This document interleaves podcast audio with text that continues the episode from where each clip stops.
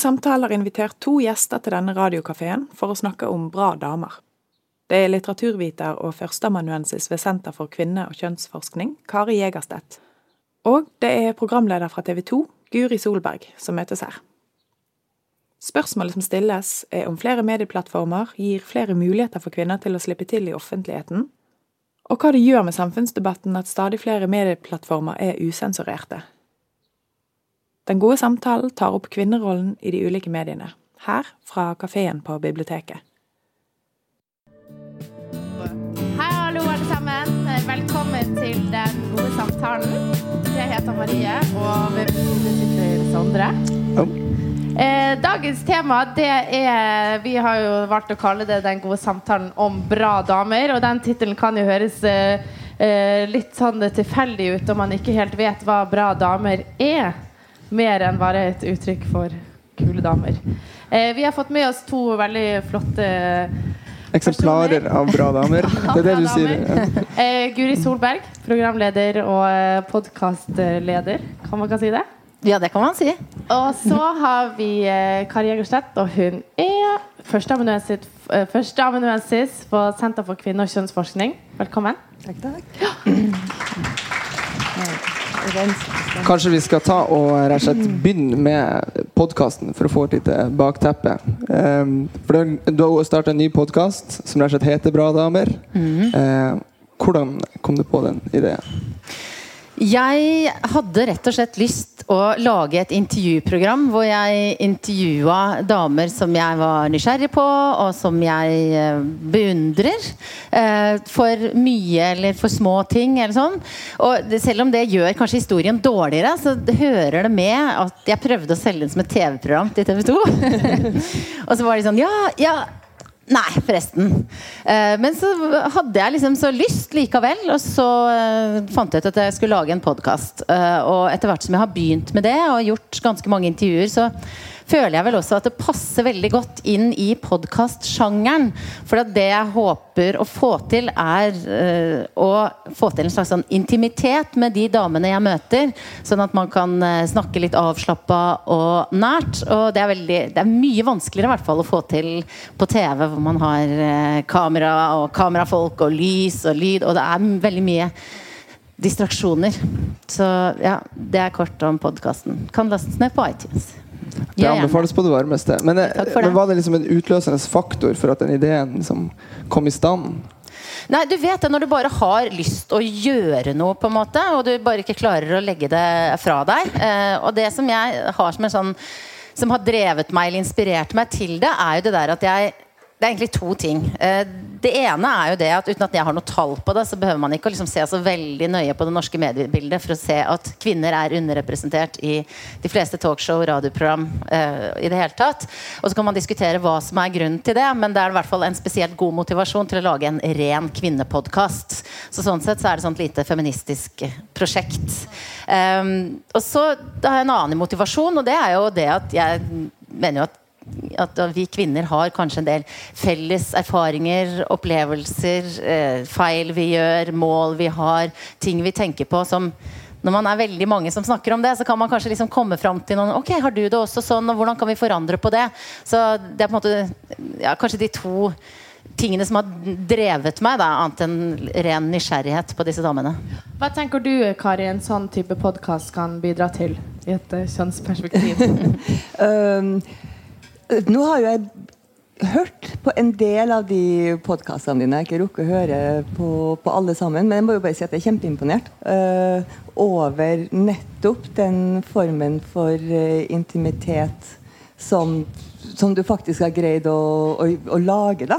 Så jeg, bare lurer på Hvor lenge snakka egentlig med deg før hun setter på den her Nesten ingenting. Helst, jeg vil helst Nei, ikke snakke noe særlig med deg først. Nei, for Det er jo helt imponerende egentlig hvor godt den samtalen flyter, og hvor, hvor interessant det er å høre på. da. For jeg tenker sånn I utgangspunktet så tenker jeg at veldig mange av de damene som du faktisk intervjuer, er jo da folk som allerede er en del av mediebildet, og som vi på en måte har møtt veldig mange andre plasser før. Uh, om det er på Lindmo eller på Skavlan eller uh, her og der. Så det er jo ikke akkurat den type damer som jeg tenker i utgangspunktet at vi trenger å høre så veldig mye mer fra. Sånn sett. Men og så har jeg liksom prøvd å tenke ja, hvorfor akkurat de damene der. Men det, det bildet som man får av dem når de snakker der, er jo sånn helt annen type bilde enn man får andre plasser. Så plutselig blir du kjent med dem, plutselig så er de øh, noen andre typer damer. Plutselig så blir det veldig mye mer interessant da, enn jeg liksom kunne drømme at de var. Uh, og det syns jeg er veldig kjekt. At, at man kan vise. Altså, at man kan ha et forum hvor man kan være bra dame på en helt annen måte enn man kan andre plasser. Så tror jeg jo podkastsjangeren i seg sjøl er jo egentlig helt genial. da.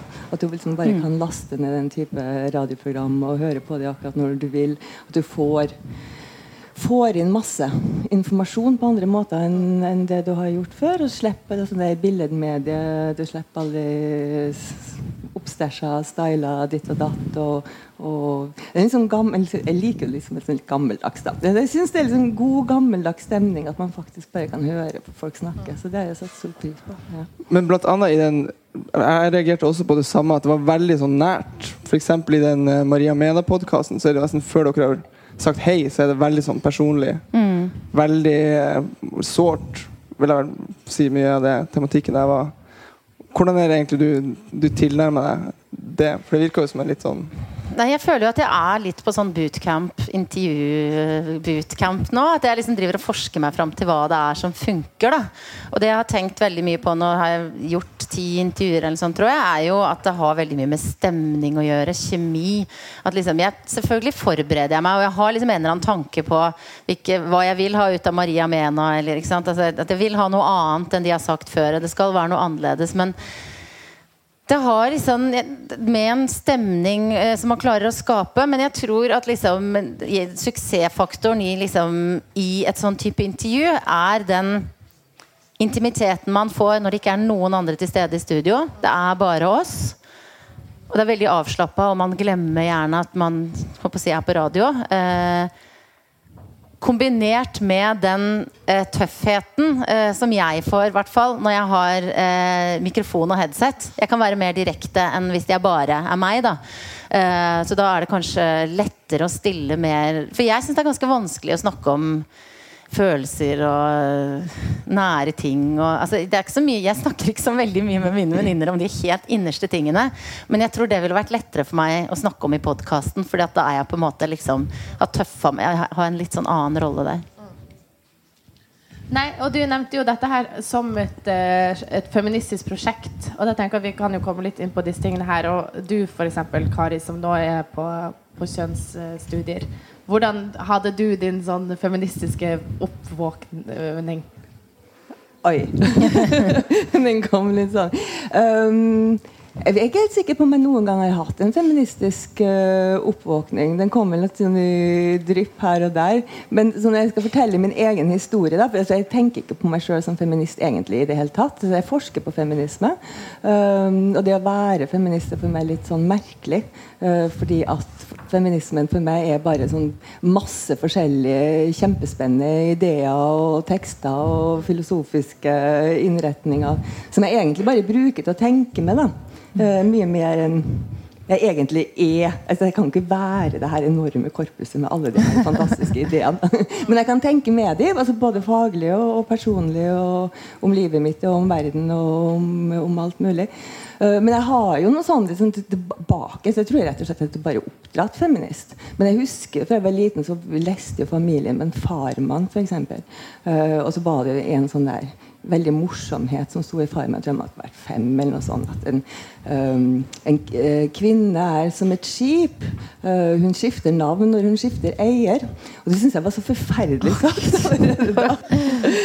og så så jeg jo også på japansk TV, ca. samme alder, en sånn fantastisk flott ballettoppsetning som gikk da på at det var en mann og en kvinne på, på toppen av, av uh, hvert sitt Eh, fjell som var ganske flatt, og så sloss de veldig mot hverandre. Og så vant damen til slutt, da, så at han ble kasta ut, men så greide han akkurat å henge seg fast.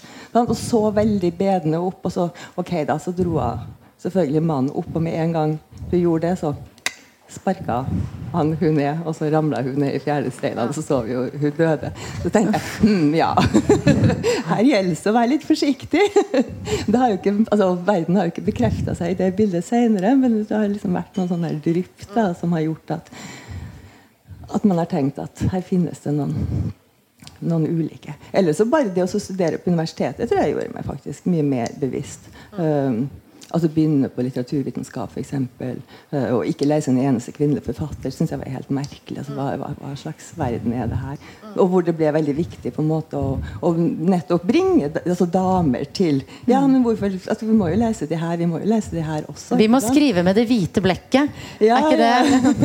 det Ja, men det er jo den litteraturen som skal komme. Men bare all den litteraturen som har vært, og alt det damer på en måte har tenkt og gjort opp gjennom tida, og som ingen refererer til lenger. Og så Det er ikke en del av kanoen, det er ikke en del av vår tankevirksomhet. Du kan sitte på seminarer og diskutere masse filosofiske ideer, og alle sammen refererer bare til masse menn. Og så tenker jeg, men da skal jeg nå referere til de her damene, da. Altså Rett og slett for å holde den tenkninga i live.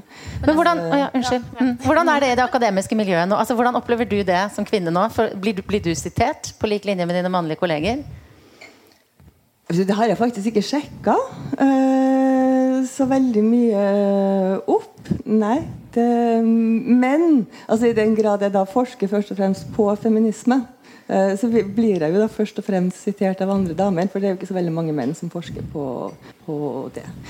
Men alt det her er jo litt sånne gammeldagse ting. Da, for jeg tror jo ikke noe altså jeg, er jo veldig, altså jeg er jo ikke noe for den her uh, kvinnemannskampen, egentlig. Altså, den tror jeg jo har utspilt sin rolle for lenge siden, hvis den noensinne har hatt en, en, en rolle. Det er bare det at du blir innsosialisert i en sånn kultur hvor det på en måte settes fremdeles opp som noen sånne motsetninger. Det er liksom viktig å komme over den motsetningen mm. også. Mm. Men da virker det ikke som som et så ulikt prosjekt, egentlig, når du løfter fram kvinnelige forfattere, og du løfter fram kvinnelige personligheter. ja, ja. Sånn, okay.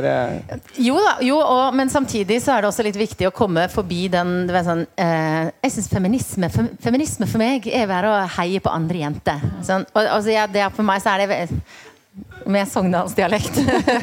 Nei da, men sant, det er veldig, sånn, eh, veldig flatt og innholdsløs. Man skal ikke være sånn ukritisk heiagjeng eh, på sine medsøstre bare fordi de er medsøstre. Det må på en måte ligge noe mer i det.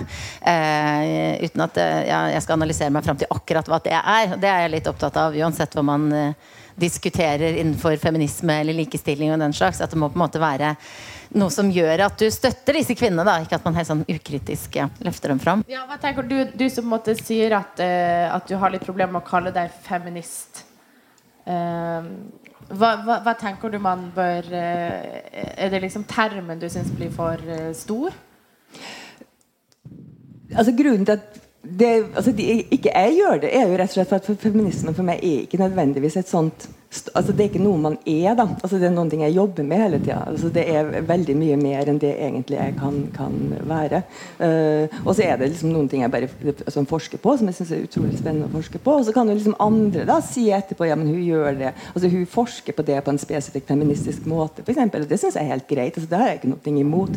Altså Det er ikke noe imot at folk kaller meg for en feminist. Uh, men jeg synes det er veldig vanskelig bare å si ja, jeg er feminist. For jeg er ikke helt sikker på hva det betyr. Da. Altså, det kan bety så utrolig mange forskjellige ting.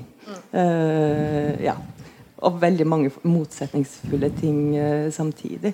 Men selvfølgelig jeg har jeg også ting som jeg syns er mer interessant og viktig enn en, en, andre ting. da, Så når det kommer til feminismen. Men, men eh, når du, eh, når du velger ut av gjestene i, i, programmet, og du sier at det, liksom, det er viktig at ikke det bare er for å heie fram hvem som helst, eller hva som helst, hva er da på en måte kriteriene for å være en bra dame? Det er sikkert det folk er her for å vite.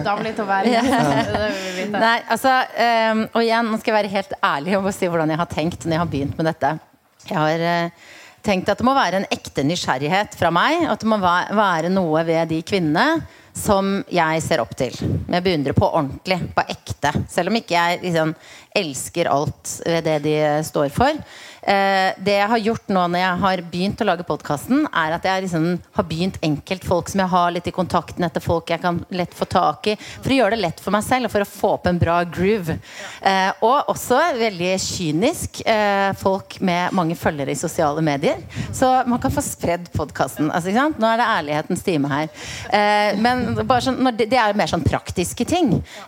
Sånn at, men så har jeg den andre siden av det er jo at jeg har jo intervjua damer som er kanskje kanskje, liksom, kanskje de, mest, de mektigste, noen av de mektigste meningsbærerne mot unge kvinner. Jeg hadde Sofie Elise Isaksen forrige uke. Det var en kompis av meg som bare Hva faen har det med feminisme å gjøre, da? Men jo, det skal jeg si deg. Det er 70 000 enkelte lesere som klikker seg inn på bloggen hennes eh, hver dag. Og det gjør henne veldig interessant. Det er interessant å høre hva hun tenker rundt eh, sin påvirkningskraft. Å fronte det perfekte. Å være et forbilde. Sin egen selvtillit og utvikling. Hva hennes ambisjoner er. Så, så det er jo liksom litt et sammensurium av ting som har gjort at jeg har landa på de eh, menneskene jeg har. Da. Men for eksempel så har jeg ikke det at jeg tror hun hadde sagt ja, men jeg ville hatt problemer med i disse dager å intervjue Sylvi Listhaug, f.eks. For, for da ville det vært det hadde vært vanskelig å få til en intim og avslappa prat med noen som jeg kanskje ikke var interessert i å menneskeliggjøre akkurat nå. Eller jeg liksom, ja, det ville føles for eh, krevende, for jeg ønsker å skape et rom hvor man skal kunne, man skal kunne komme godt ut av det. Men det må være litt motstand der. Så det er et eksempel på en dame jeg ikke ville hatt. Og Tone Damli altså hun står på den lista over folk som jeg tror jeg kunne fått til å stille opp ganske lett. Men hun er på en måte Det blir for Hun, vært, hun er for mye. Liksom, sånn at da har jeg liksom kula den litt på det. Um, ja. men uh, ja, så det er mye forskjellig. Mm. Men tenk du over eh, på en måte at du har en slags makt? da Hvis, La oss si at podkasten blir Norges største podkast. Ja. Det må jo være målet her.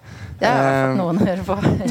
Tenk du ikke da at du får en viss makt og en viss liksom, innflytelse på hvem som, da, som blir sett på som det hadde vært fantastisk. For en makt å ha. Eh, enn så lenge så driver jeg nå og liksom jobber opp den, da.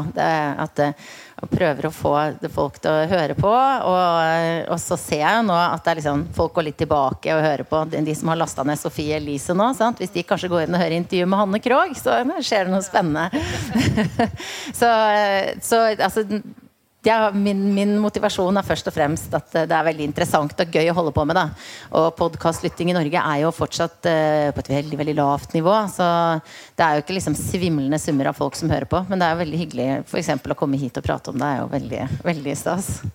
Vi skal uh, høre en uh, låt. Ja, vi skal høre din ønskelåt. Vi har valgt ut Bertine Zetlitz-låta. Mm. Hun har vært gjest, blant annet.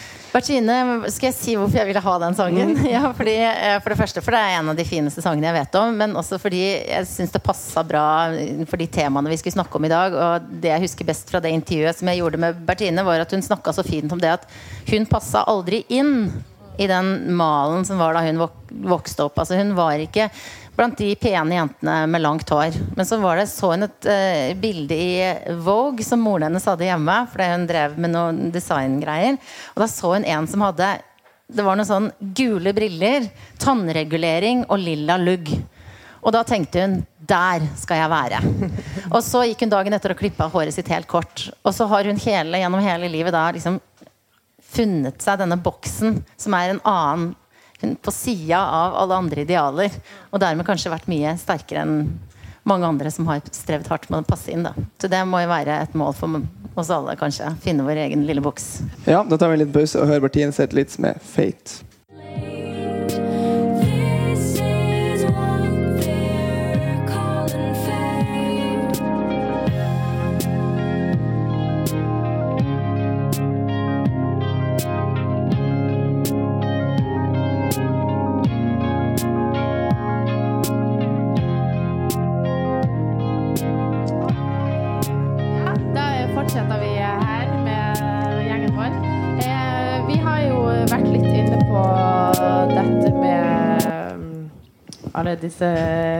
Podkastene og sånn. Men nå tenker jeg at uh, dette her med å uttrykke seg Dere er jo begge to uh, liksom, mennesker som er ute i offentligheten. Uh, og vi tenkte vi skulle snakke litt om uh, dette her som f.eks. Hilde Sandvik skrev jo for noen år siden denne Skamtalen. Som var en kronikk som egentlig handlet om hvor mye utrolig mye netthets kvinner opplever hver gang de ytrer seg på internett. Um, og dette er jo et kjent problem i uh, norske medier i dag, og selvfølgelig resten av verden. Uh, hvordan uh, opplever dere å få kritikk på nettet? Altså, jeg må si jeg har vært veldig heldig som har vært skåna for, for mye altså Jeg har ikke holdt på med så mange kontroversielle ting, eller ting som folk oppfatter som kontroversielt. Og jeg har etter gode råd holdt meg godt unna de verste debattforumene. Da. Men jeg har snakka med veldig mange eh, damer som på mange måter har blitt eh, hetsa for eh, meningene sine. Og jeg har veldig sånn, tro på sånn outing, jeg, da. Altså, sånn som jeg egentlig ser nå, har sett nå de siste årene, at man eh, man forteller det høyt. Og liksom publiserer det, og, sånn at folk får se det. Hva er det som blir sagt? For jeg tror egentlig at det er litt at, ja, at, folk har vært liksom redd for å klage. Eh, så, men når det først kommer for en dag hva en, liksom, en, stortingspolitiker eller en uh, programleder eller skuespiller må tåle av uh, seksualisert dritt, for det er veldig ofte at det har med kropp og sex å gjøre, så er det bare få det ut, les det høyt. Så er, tror jeg er veldig, det er en god start, i hvert fall. Ja, altså Jeg uttaler meg jo hel, helst i ganske sånn trygge miljøer. da så, Og hvis jeg får noe hets på nett, så kommer jeg ikke til å legge merke til det engang. ikke inne og sjekke. Jeg husker bare Ja. Um, men jeg, altså jeg, leser jo av og til i, i, de der debattene som går på kjønn, og som, også veldig mye som går på innvandring. Det, altså, man kan jo bli deprimert av mindre, men det er, altså, det er de samme folkene Hele tida. Det er akkurat de samme folkene hele tida som skal liksom ha ut av seg all den driten. Så jeg velger jo også å tenke at det er faktisk ganske få som, eh, som går, til, eh, går, til, det skrittet. Men, jeg også, altså, men når man da opplever det, så virker det jo selvfølgelig som, som eh, veldig, veldig mange. Jeg syns den artikkelen det er kronikken til Hilde Sandvik som tok opp det var veldig viktig og veldig bra at det liksom kommer fram. Da, at det foregår uh, sånne ting. Men den typen hets er jo ikke bare på nett. Altså, den typen hets er jo en del av uh, hverdagslivet også. Så man kan jo høre veldig mye rart bare ved å gå rundt på gata. Egentlig. Altså, det er jo en kultur da, som, uh, som sprer om seg. Og og spesielt kanskje for den yngre generasjonen. Som man legger jo veldig mye ut ikke sant, på alle de sosiale mediene og, og sånne ting. Men jeg tror kanskje man blir herda. Ja, uh, at man blir ganske fort uh, herda uh, for den slags Mot den slags ting. Men opp igjennom, når du har jobba Du har jobba veldig mange år i, i media, i ulike produksjoner. Mm. har du noen gang opplevd at du har vegra deg for å på en måte uttale, eller at du har vært omgitt deg med noen som på en måte har vært litt sånn Har vegra seg for å tre for mye fram? Nei, altså det, eh, Ja og nei, på en måte. Altså, jeg synes Det å være en synlig person og komme i avisene og, og, på en måte ikke ha kontroll over sin egen fremstilling, da, det er jo noe som kan oppleves litt sånn overveldende for alle. Så akkurat det syns jeg var skremmende i seg selv, uten at jeg ble hetsa. Men liksom, forsiden av BA, faen, faen, faen. Det var liksom forferdelig. Men det er på en måte, jeg syns jo ikke det lenger. Liksom, det er jo en positiv oppmerksomhet som er en del av jobben. og, og jeg kan, eh, kan leve med det. Men, men det som, eh, som, jeg har lagt merke til veldig gjennom de årene jeg har vært i mediene, er jo at eh, om det er hets eller ikke, så er det fortsatt eh, en veldig stor forskjell på eh, hvordan eh, kvinner og menn blir fremstilt i mediene. Altså, jeg merker det spesielt godt fordi jeg veldig ofte jobber sammen med mannlige programlederkolleger. Eh, og så blir vi gjerne da i en sånn lanseringsrunde intervjua sammen. Og jeg får en helt annen type spørsmål enn gutta. Uh, og det er jo noe som jeg har fått et mer bevisst forhold til etter hvert. Um, og det, altså, det, er jo liksom enkle ting som at ja, Hvordan går det nå, du som har små barn? Hvordan blir dette? Og så sitter Ravi ved siden av meg og har akkurat like gammel altså, Skjønner du? Det er helt sånn Og et helt annet fokus på kropp og utseende. Og, så, det, på mange måter så henger den type journalistikk uh, veldig sånn langt igjen i tid. da så, så, selv om ikke det har, har, noe med hets å gjøre, og at det har stoppa meg på noen måte, så har det irritert meg veldig mange ganger. Og jeg har jo også irritert meg veldig over eh, altså, kvinner i min bransje. Eh, sin mangel på refleksjon rundt dette. Da. For jeg mener altså, Det går liksom to veier. Altså, hvis vi fortsetter å fortelle om hvordan vi har slanka oss inn i premierekjolen, så blir det et oppslag, og så er vi inne i en sånn tralt som på en måte ikke det ikke kommer noe godt ut av. Så noen må ta et skritt ut av den greia og si nei, men jeg har ikke lyst til å prate om det. Jeg har lyst til å prate om jobben min. Jeg har ikke lyst til å eh, vise fram min perfekte hud, for at jeg er smart. Jeg vil fortelle om den nye boka mi eller nye programmet mitt. Eh, og vi kan jo styre det ganske mye sjøl, mener jeg, da. Så, eh, så, selv om jeg har vært heldig og ikke vært utsatt for hets, så har jeg i hvert fall gjort meg noen tanker rundt det. Det syns jeg er viktig at andre gjør òg. Men til og med om man, om man prøver å ikke la seg fange inn i det, så er det jo ikke så veldig mye alltid det man sier og ikke sier, som avgjør hva slags kritikk man får, tenker jeg. Nei, Eh, nei, nei. Altså, du ser på kvinnelige politikere, altså hvordan de uh, blir presentert helt, på helt andre måter enn mannlige politikere. altså de må Altså, de skal leve opp til noen idealer som går enten på at de skal kle seg veldig smart, eller så skal de være en slags morsfigur, eller skal på en helt annen måte enn en, en det menn uh, må gjøre. Så det er helt annen måte å dømme, dømme de på. Men selvfølgelig, jeg syns det var utrolig kult på, på Oscar-prisutdelinga nå sist, med hun som da vant prisen for, for beste kostyme, ikke sant? som bare kom ned. Ja. Som, helt sånn Hva? Ja, nei. Plukka opp en jakke på veien over og Men det skapte jo sånn ja? en skandale, da, egentlig. Ja. Mm. Men, men hvorfor er det sånn at eh, på måte, man intervjues forskjellig om man er mann eller kvinne? Henger jo bare igjen ganske mange sånne kjønnsstereotypier som ikke kommer oss. Det er ikke så lett å komme seg ut av de, altså uansett hvor mye likestilling man har på, på overflata eller i lovverket eller, eh, eller et eller annet. sånt. Men er, altså, er det noen bedring i det hele tatt, eller er det liksom samme, samme som alltid? Det er faktisk ikke så veldig mye altså de, altså de som forsker på det som, som mediekommentatorer, som går inn i sånne enkelte caser osv., som kan bli helt sånn sjokka av de resultatene de viser. For det, det virker jo faktisk ikke som det er så veldig mye bedring, selv om man da har altså mye mer likestilt menn og kvinner i politikken, i, i, i, alle slags styringsorganer osv. Så, så, videre. så akkurat der så har man kanskje ikke kommet så veldig. Men tror du det er mediene som har skylden, eller er det måten man svarer på også? At når man får et spørsmål om og når man er kvinne og liksom de spør deg hvordan det går an å kombinere karrieren, karrieren med morsrollen. Bør man bare slutte å svare på disse spørsmålene? Og, eller er det kun mediene som har skylden? Jeg, jeg syns jo ikke man skal slutte å svare på den type Nei. spørsmål. For det har jo vært en av de sakene som feminismen på en måte har fremma. Uh, nemlig at det skal være mulig å ha den type jobb og samtidig ha, ha unger. At det skal være plass til den type ting. Uh, så da må man heller oppfordre mer sånn Ok, hvorfor spør du ikke han også? ikke sant? Uh, at at det er en åpning der. Altså, det har ikke noe poeng i seg sjøl. Altså, ikke være å ha barn og være mennesker osv. Men jeg tenker på sånn morsrollen så tenker jeg også veldig på uh, altså, Som statsminister da? Så er det den eneste, nesten eneste måten du kan bli populær i et land som statsminister, kvinnelig statsminister på, er hvis du får den der landsmoderrollen. Uh, og det er kanskje en litt sånn teit rolle å ha som, som statsminister, da, tenker jeg.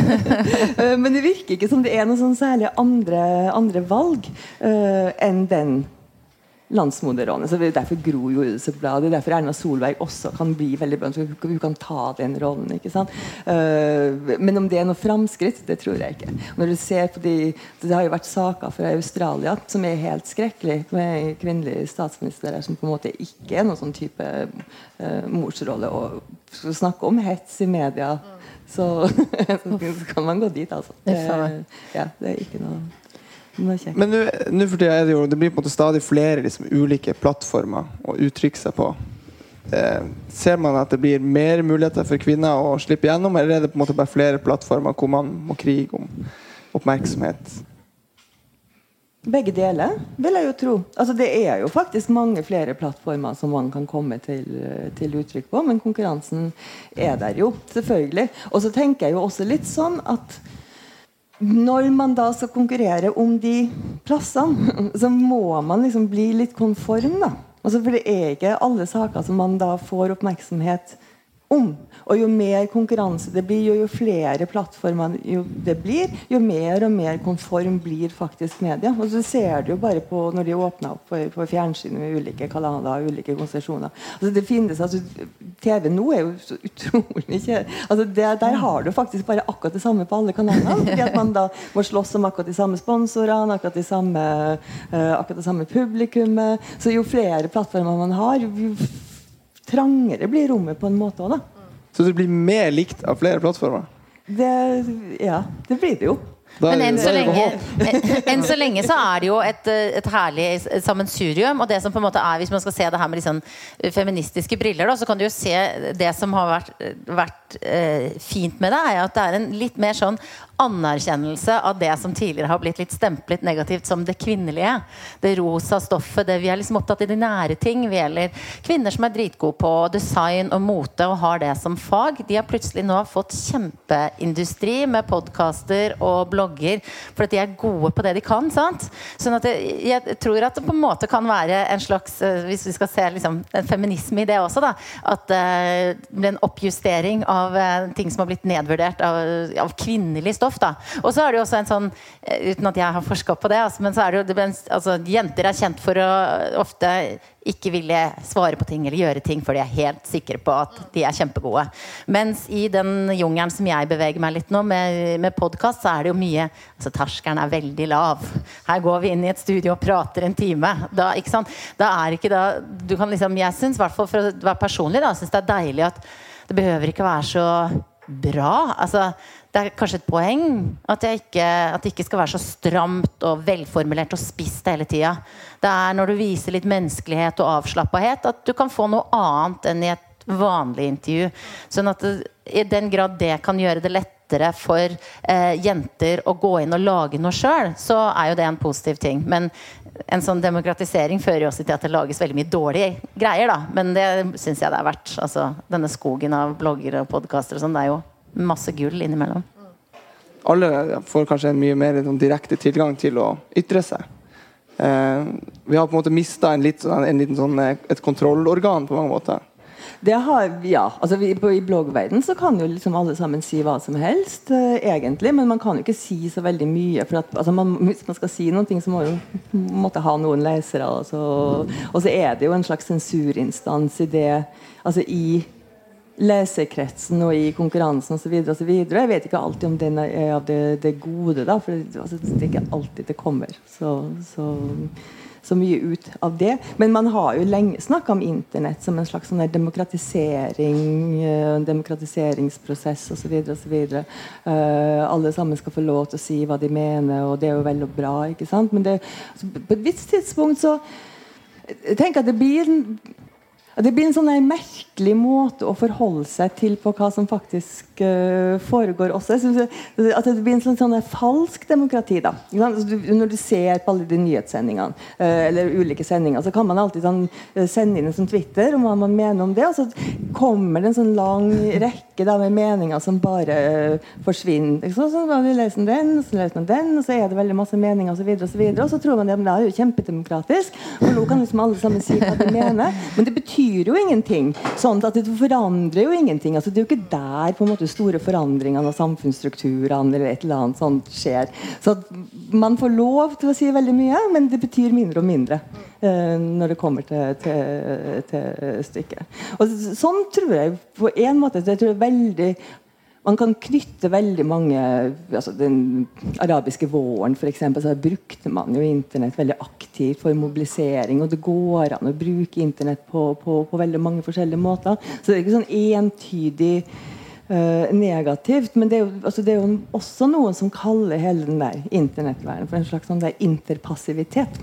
altså Istedenfor at man faktisk går ut, så er man liksom bare passiv sammen. at du gir tommelen opp, men du går ikke ut og gjør sånn her ja, eller du forsvinner inn i en sånn, for å snakke for meg sjøl, lang labyrint som begynte på en eller annen interessant artikkel som noen hadde delt på Facebook, og som ender opp med noen motetips fra en 16-åring fra Fredrikstad. Altså, da vet du at liksom plutselig så har hele søndagen gått.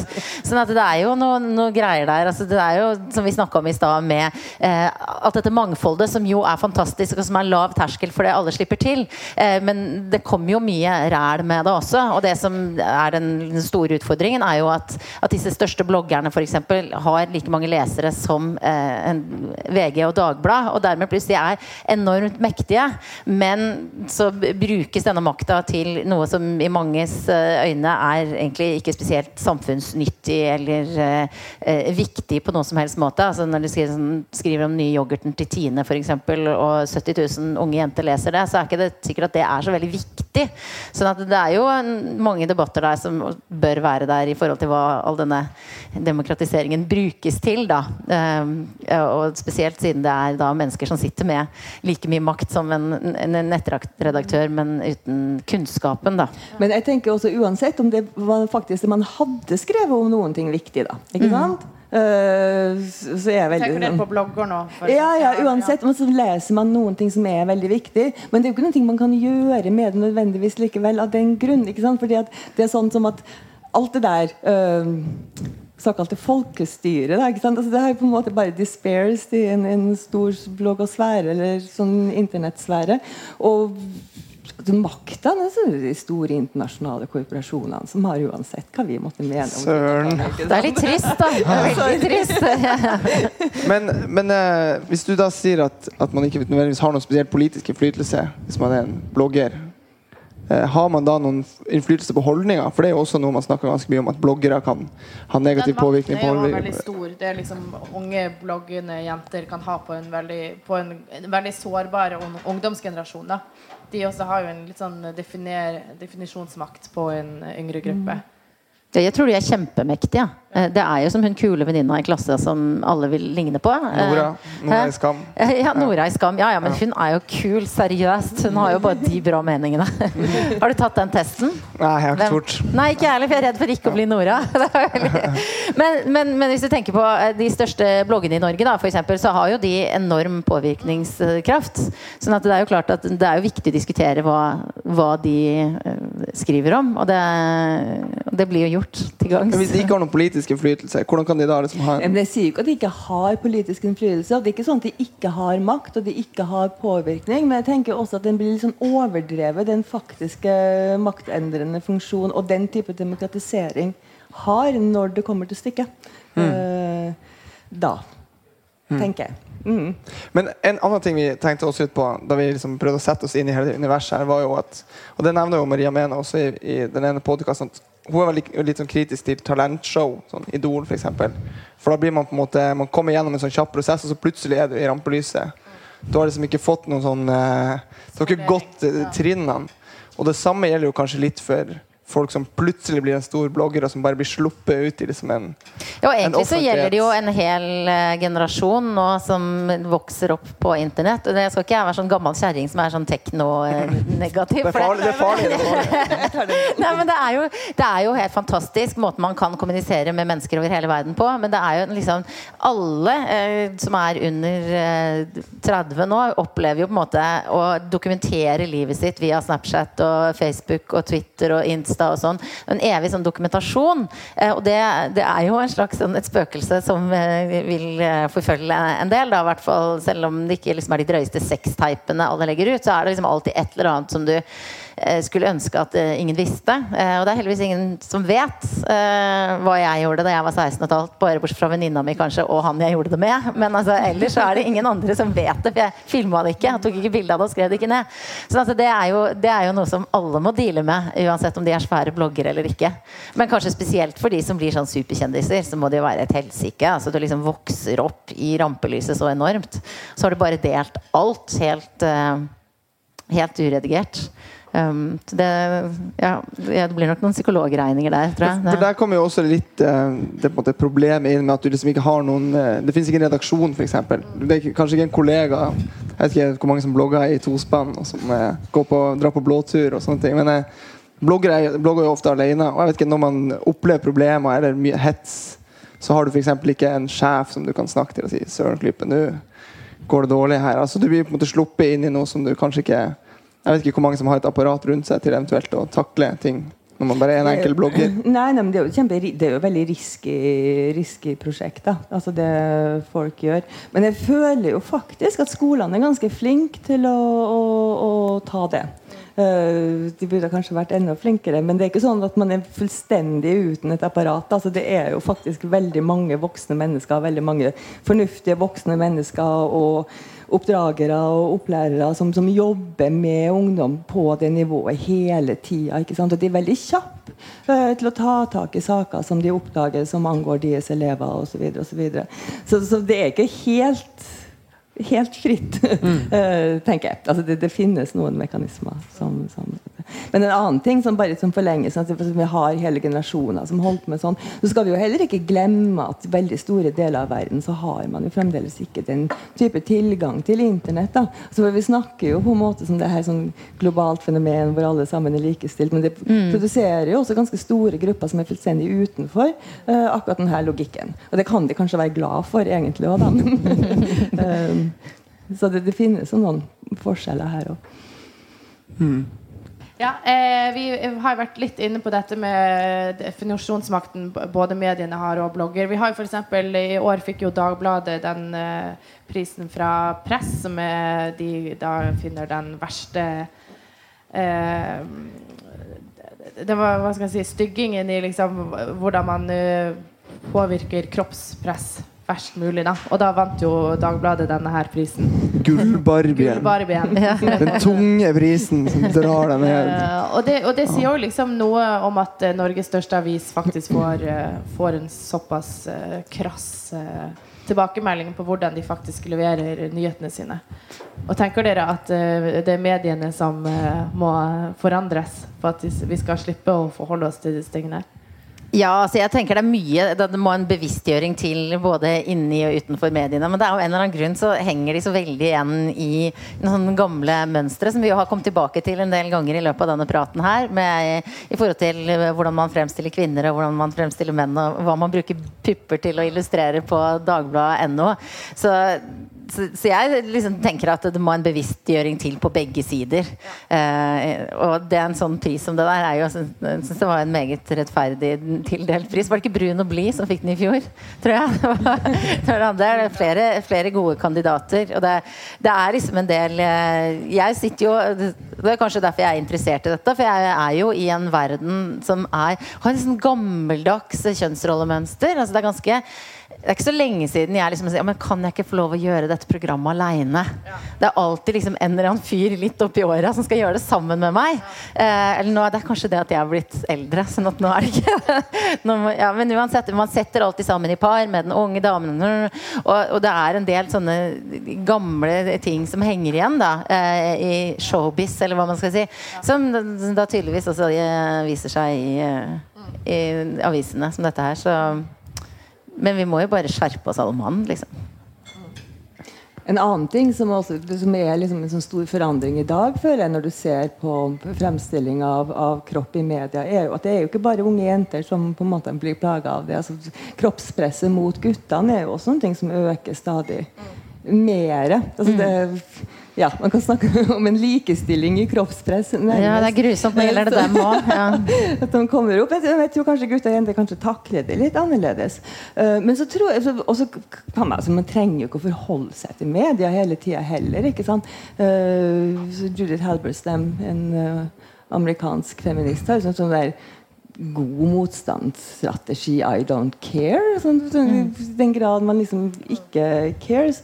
Så det er jo én ting. Men så, så, tror jeg også vi gir kanskje media skylda for litt for mye. Um, fordi at når man snakker om at altså, spiseforstyrrelser er på framgang, depresjon er på framgang, altså alle de tingene som er på framgang, og en, en uh, ung generasjon som sliter mer og mer med psykiske problemer, så det gjorde jo vi også i vår tid, man, man, ser faktisk at det er flere, så tror jeg faktisk ikke at alt det skyldes media. Jeg tror ikke alt det skyldes kroppspress. og Det er for enkelt uh, å legge skylda der. Jeg tror faktisk det finnes noen sånn andre eh, mekanismer i dagens samfunn. Sånn ekstrem individualisme, en, en, en, en, sånn underskudd på tilhørighet, en underskudd på identitet, et stadig større krav om å prestere. Et samfunn som på en måte går liksom litt i oppløsning på, på, på mange måter. Og at man er nødt til å se der også, ikke bare på kroppsbildene. Altså, det kan ikke forklare alle, alle, problemene vi har i dag. Det tror jeg du har helt rett i. Og en annen, en annen ting er at jeg opplever at selv om altså, hele kroppspressdebatten syns jeg er viktig, og jeg har engasjert meg veldig i det, men det er akkurat som Nettopp fordi at det er et så mye større bilde, så er det sånn Jeg tror ikke vi kommer noe vei med det lenger. Altså når, når, vi kler av oss for å vise hvor avslappa forhold vi har til kroppen vår, så har vi på en måte bitt oss sjøl i halen. Eh, og jeg tror at man ikke kan vinne den diskusjonen. Man kan ikke forklare uh, kom, altså, Den kvinnelige artisten som står i badedrakt på fotoshoot og sier 'Jeg syns det blir litt mye kroppspress'. Altså, du, det er så mange ting der. Du kan ikke forklare dette her for henne. Jeg tror liksom at det, det er for vanskelig å skjønne, så vi må bare liksom legge det bort og bruke hodet istedenfor. Og at den kroppsdebatten vil vi liksom bare aldri klare å ordne opp i. Annet enn å liksom don't care og gjøre andre ting og lære opp døtrene og sønnene våre til at uh, det er viktig å være engasjert og det er viktig å være smart. Og at det å være eh, sånn og sånn og sånn, det er ikke noe man skal bygge selvtilliten sin på. Eh, så den debatten tror jeg liksom ferdig. Altså, ja, okay. Altså, fortrenger den jo liksom andre typer debatter også, da. Mm. Som på en måte er til stede. Så Lena Lindgren hadde jo en, en kronikk i, i, Morgenbladet for ikke lenge siden hvor hun går veldig sånn hardt ut mot liksom, dagens unge feminister. De er bare opptatt av pupp og pikk, ikke sant? Da, med, med referanse til uh, 8. mars-bruduljen mm. og til Sofie Elise osv. Hva da om man begynte å, å engasjere seg for de store spørsmålene, altså sosial ulikhet, øh, innvandringsspørsmål osv. Og så er det jo egentlig ikke det sant. fordi at de unge feministene engasjerer seg jo masse i det. Altså De engasjerer seg jo masse i andre ting enn akkurat det. Men det kommer jo ikke frem av media. Altså, altså Det er jo ikke det som lager de store sakene. Det Lena Lindgren burde ha gjort der, var jo egentlig ikke å drive feminismekritikk, men å drive mediekritikk. Sant? Pluss at man da også setter opp en sånn der forskjell. Ja, det ene er mye viktigere enn det andre. Begge er viktige, det henger sammen. Eh, men man skyver jo ut et engasjement som allerede er er til stede, som er veldig stort blant uh, altså klimakrisen, flyktningekrisen altså Det er masse ting som folk engasjerer seg for, som kanskje ikke får akkurat det fokuset. Samtidig som det jo, selv om jeg nå nettopp sa at den diskusjonen er over, så er det jo også ikke sant, unaturlig som du sier, å lage et sånn motsetningsforhold. For, for alle de jentene og guttene som eh, lider av spiseforstyrrelser, og som daglig lever med det massive presset, uansett hvor det da egentlig kommer fra, så er jo det veldig alvorlig. Altså, det er et stort problem. sånn at det er ikke sånn at eh, vi er ferdig med det. Men jeg tror bare at den eh, for, Nettopp fordi at vi får bare den tabloidiserte versjonen av det hele tida. Raser mot kroppspresset. Bare du sier setningen liksom 'bein', så har du 'raser mot kroppspresset'. Det er overskriften. Det er liksom, jeg vet det, for jeg har prøvd. det Men det er kanskje det som er litt fint med podkast. Der er det ingen kropp. Der er det bare en person som ja, snakker. Ja. Det er veldig deilig. Ja, dere bruker kanskje kroppen til å spille den inn? Men, ja, ja, ja. Og, og, så, så har vi noen kamera som står bak i kroken, som filmer, sånn at vi, sånn, at vi har det. I tilfelle TV 2 vil lage TV-program. men, eh, men, det er jo Jeg syns det er eh, Altså, det er jo klart eh, Jeg har liksom aldri Når jeg har jobba på TV, så er det aldri sånn at jeg har liksom følt meg utilpass ved å synes, og at det liksom har vært et sånt hinder for meg. Men det er jo liksom, man skal jo hele tiden ha folk som er rundt og fikser og mener ting om Og det er liksom en sånn ekstra attributt som ligger mellom innholdet og deg, da. Så det, så det er veldig befriende å slippe det. Eh, veldig deilig. Jeg tror at det gjør at folk slapper av også. At man ikke Det er ikke noen som kommer bort og pudrer nesa di, liksom. Det Nei, jeg tror vi får oppsummere at vi får stole på innholdet vårt. Ja. ja. Mm. Enkelt og greit. Tusen hjertelig takk for at dere ville komme hit og slå en eh, prat med oss. Det har takk for oss. Takk for oss. Takk for at dere kom. Du har lyttet til en podkast fra Bergen offentlige bibliotek. Har du lyst til å følge med på utgivelsene våre, kan du søke opp Bobcast i iTunes eller i podkastappen din, og abonnere på oss der.